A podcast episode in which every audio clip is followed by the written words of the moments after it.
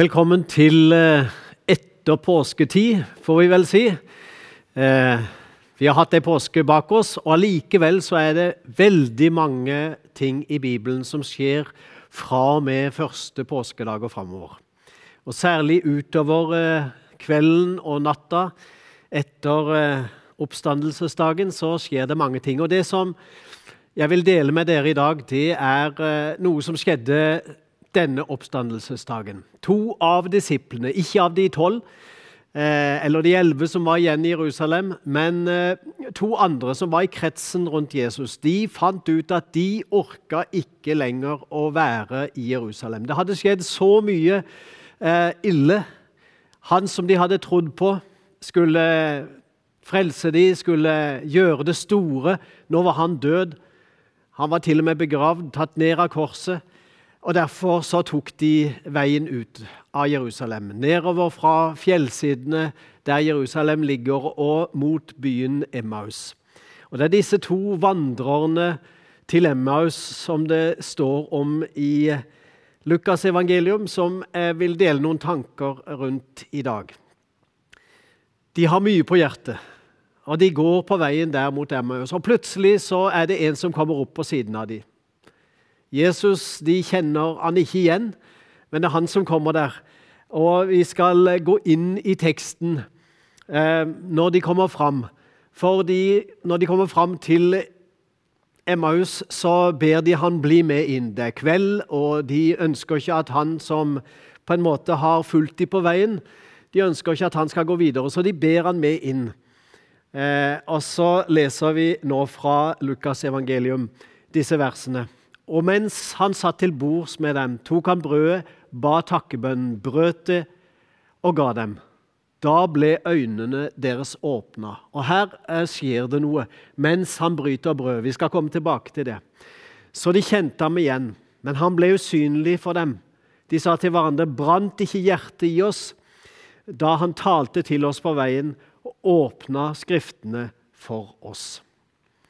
Og Her skjer altså underet igjen. Jesus og to disipler som var på vei bort fra hele saken. Hvordan er det med de? Jo, vi kan kanskje si at de var på flukt. De var på flukt ut av Jerusalem. Eh, de hadde oppstandelsesdagen i ryggen, og nå var det kveld.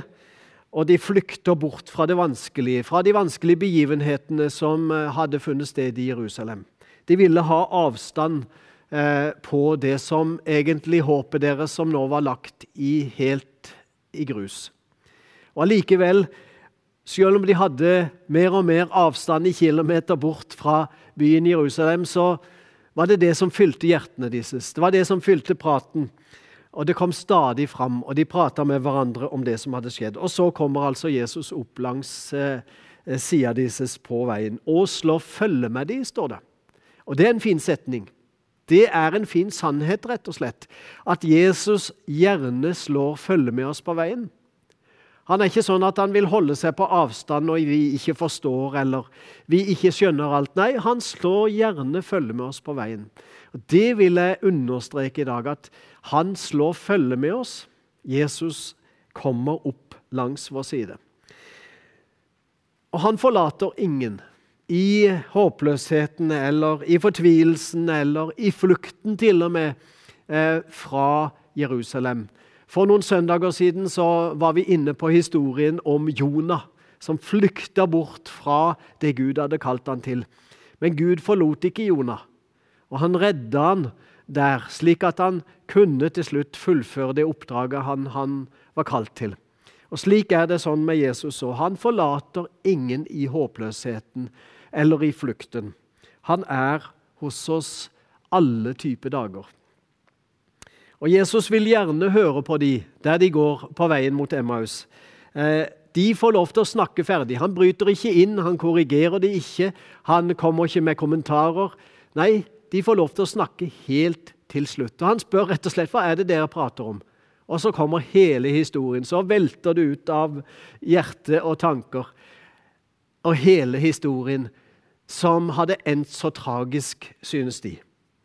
Um, Jesus er alltid en god lytter, og her har vi mye å lære. Han lytter på oss til vi har snakka ferdig. Han trenger ikke bryte inn i våre samtaler eller i våre tanker. Han lar oss snakke helt til slutt. Og så kommer han ofte med et godt spørsmål. Av og til så sa han til mennesker, 'Hva vil du jeg skal gjøre for deg?' Og Så fikk mennesker lov til å si det.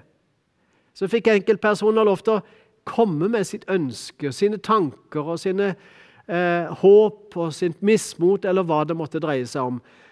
Og så møtte Jesus det på en måte som bare han kan gjøre. Jesus forstår oss gjerne bedre enn vi gjør sjøl. Og Det er noe med dette ordet og hjertet eh, som henger sammen. Det som fyller vårt hjerte, og ordene som fyller vår tanke. Og Her binder Jesus eh, historien sammen for dem. Så når de hadde fortalt ferdig, da begynte Jesus på sin historie. Og Han kom med sin historie slik som han ikke bare hadde opplevd den sjøl, men slik som sannheten egentlig var. Det de ikke hadde sett, det de ikke hadde forstått.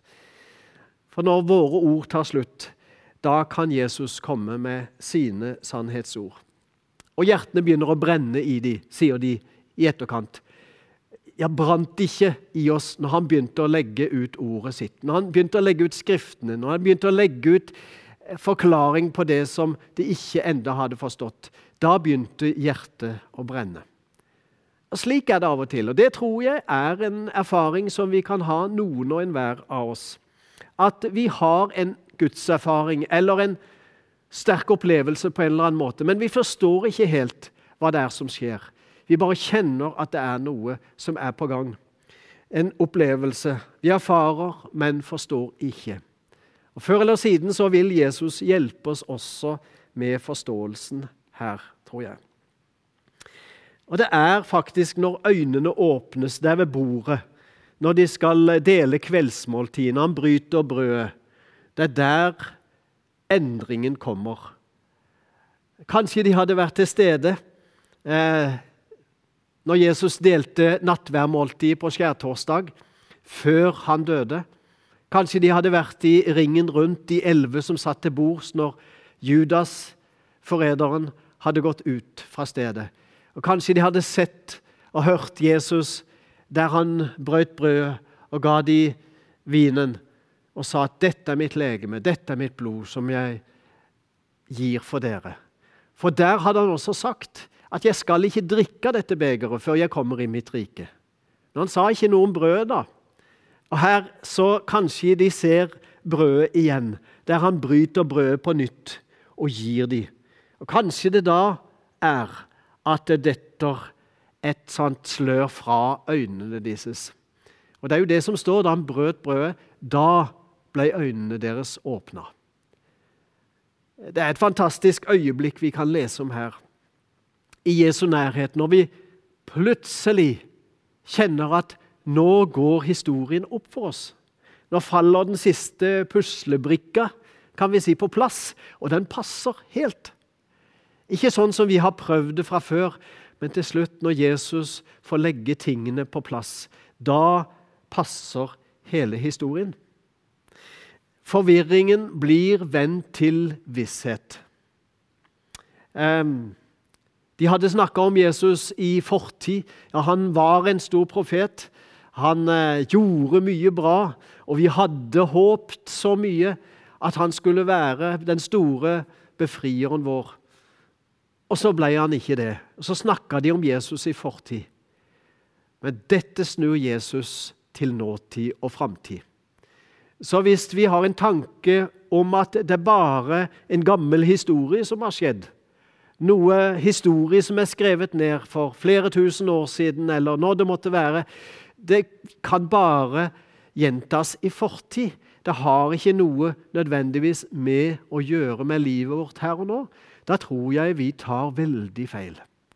For når Jesus kommer til i livet, når han får tent eh, hjertet vårt i brann, når han får åpna ordet for oss, da skjer det noe. At fortid blir til nåtid og framtid. Og så kan Jesus fortelle dem at jo, men jeg sitter her foran dere. Jeg gir dere brød. Det er jeg som er Jesus, og jeg sitter midt imellom dere. Dette er virkeligheten. Dette er sannheten.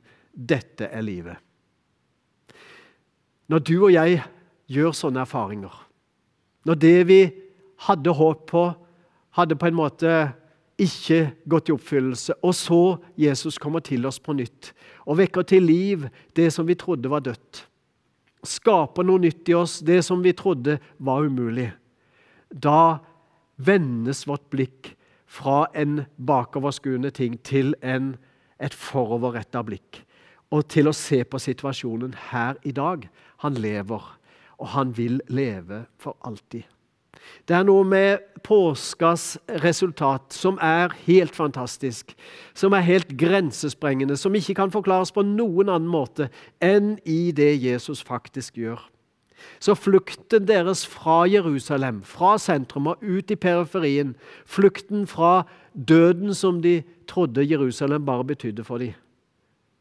Og så kom Jesus, og så snudde opp ned på alt. Og nå kaster de seg om, for han blir usynlig, og de får bare én tanke. Dette må vi dele med de i Jerusalem. Og de tar på seg kappa si, springer ut døra, og så er det på vei til Jerusalem igjen. Og nå er det mørkt. Nå er det kveld, nå er det natt. Og de bryr seg ingenting om farer som måtte være. De bryr seg ingenting at det er stummende mørkt langs veien. Kanskje de har en oljelampe med seg. Men uansett, de må raskest mulig tilbake til Jerusalem. Og det var et stykke å gå, altså. Det var et stykke, og jeg ser det i form av at de nesten springer og kanskje snubler på veien, men de reiser seg opp og kommer seg videre, for de må nå tilbake til Jerusalem. Nå har livet gått opp. Nå har puslebrikka falt på plass, den siste. Nå har alt det som var negativt og nedbrytende og sorg og død, det har blitt vendt til liv også for disse to disiplene her.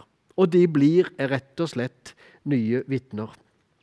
Og Når de kommer til Jerusalem, så skjer dette her. La oss lese fortsatt. Og de brøt opp med en gang og vendte tilbake til Jerusalem. Der fant de alle de elleve, altså de elleve disiplene, og vennene deres samlet. Og disse sa, Herren er virkelig stått opp og har vist seg for Simon. Og Så fortalte de to om det som hadde hendt på veien, og hvordan de hadde kjent han igjen da han brøt brødet. En fantastisk historie. Her ser vi at eh, det har kommet en åpenbaring, det har kommet et syn i mellomtida. Simon Peter han har hatt et syn av den levende Jesus. Det står det ikke noe ellers om i tekstene i evangeliene. Her får vi et lite glimt av det. Her er en historie som ikke så mange har eh, sagt noe om. Paulus nevner det i et av sine brever at Peter fikk se han eh, levende før de i andre elleve. Um, og Så kommer de og forteller de sin historie. Og Der møter altså disiplene, disse to, som enda en gang kan bekrefte det. Nå hadde kvinnene ved, ved graven sett. Nå hadde Simon sett han, og nå hadde de sett han. Nå måtte det vel gå opp for de, de andre som var til stede. Så står det noe, Hvis vi hadde lest videre, så, så står det at men fortsatt var det noen som tvilte, for de hadde jo ikke fått deres egen opplevelse. De hadde bare fått hørt fra de andre. Selv om det kom nå fra flere kanter, så begynte de kanskje å ane at her hadde det skjedd noe som de ikke skjønte noe av. Tilbake igjen til ordet.